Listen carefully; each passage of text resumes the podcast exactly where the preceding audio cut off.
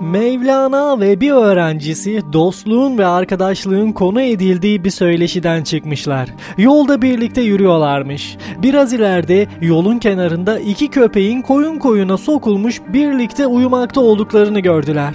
Öğrencisi biraz önceki söyleşinin de etkisi altında kalarak bu görüntü karşısında çok duygulandı ve duygusunu Mevlana ile paylaşmak istedi. Efendim şu manzaraya bakın dedi. Ne kadar yüce bir ders alınacak dostluk örneği değil mi? Mevlana öğrencisinin bu heyecanı karşısında hafifçe gülümsedi ve kişisel çıkarların nice dostlukları yakıp kül ettiğini anımsattıktan sonra ona unutamayacağı bir ders verdi.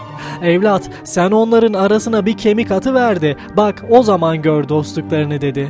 Bir dostluk kişisel çıkar karşısında unutulmayacak kadar sağlamsa ancak o durumda bir değer ifade eder ve ancak o zaman onun adına gerçek dostluk denir. Değerli dinleyenler hiç düşündünüz mü? Gerçek dostunuz var mı? Dostluğunu sürdürdüğünüz birisi var mı? Hiç birisiyle dost oldunuz mu? Dost olarak vazifenizi yerine getirdiniz mi? Bir düşünün bakalım.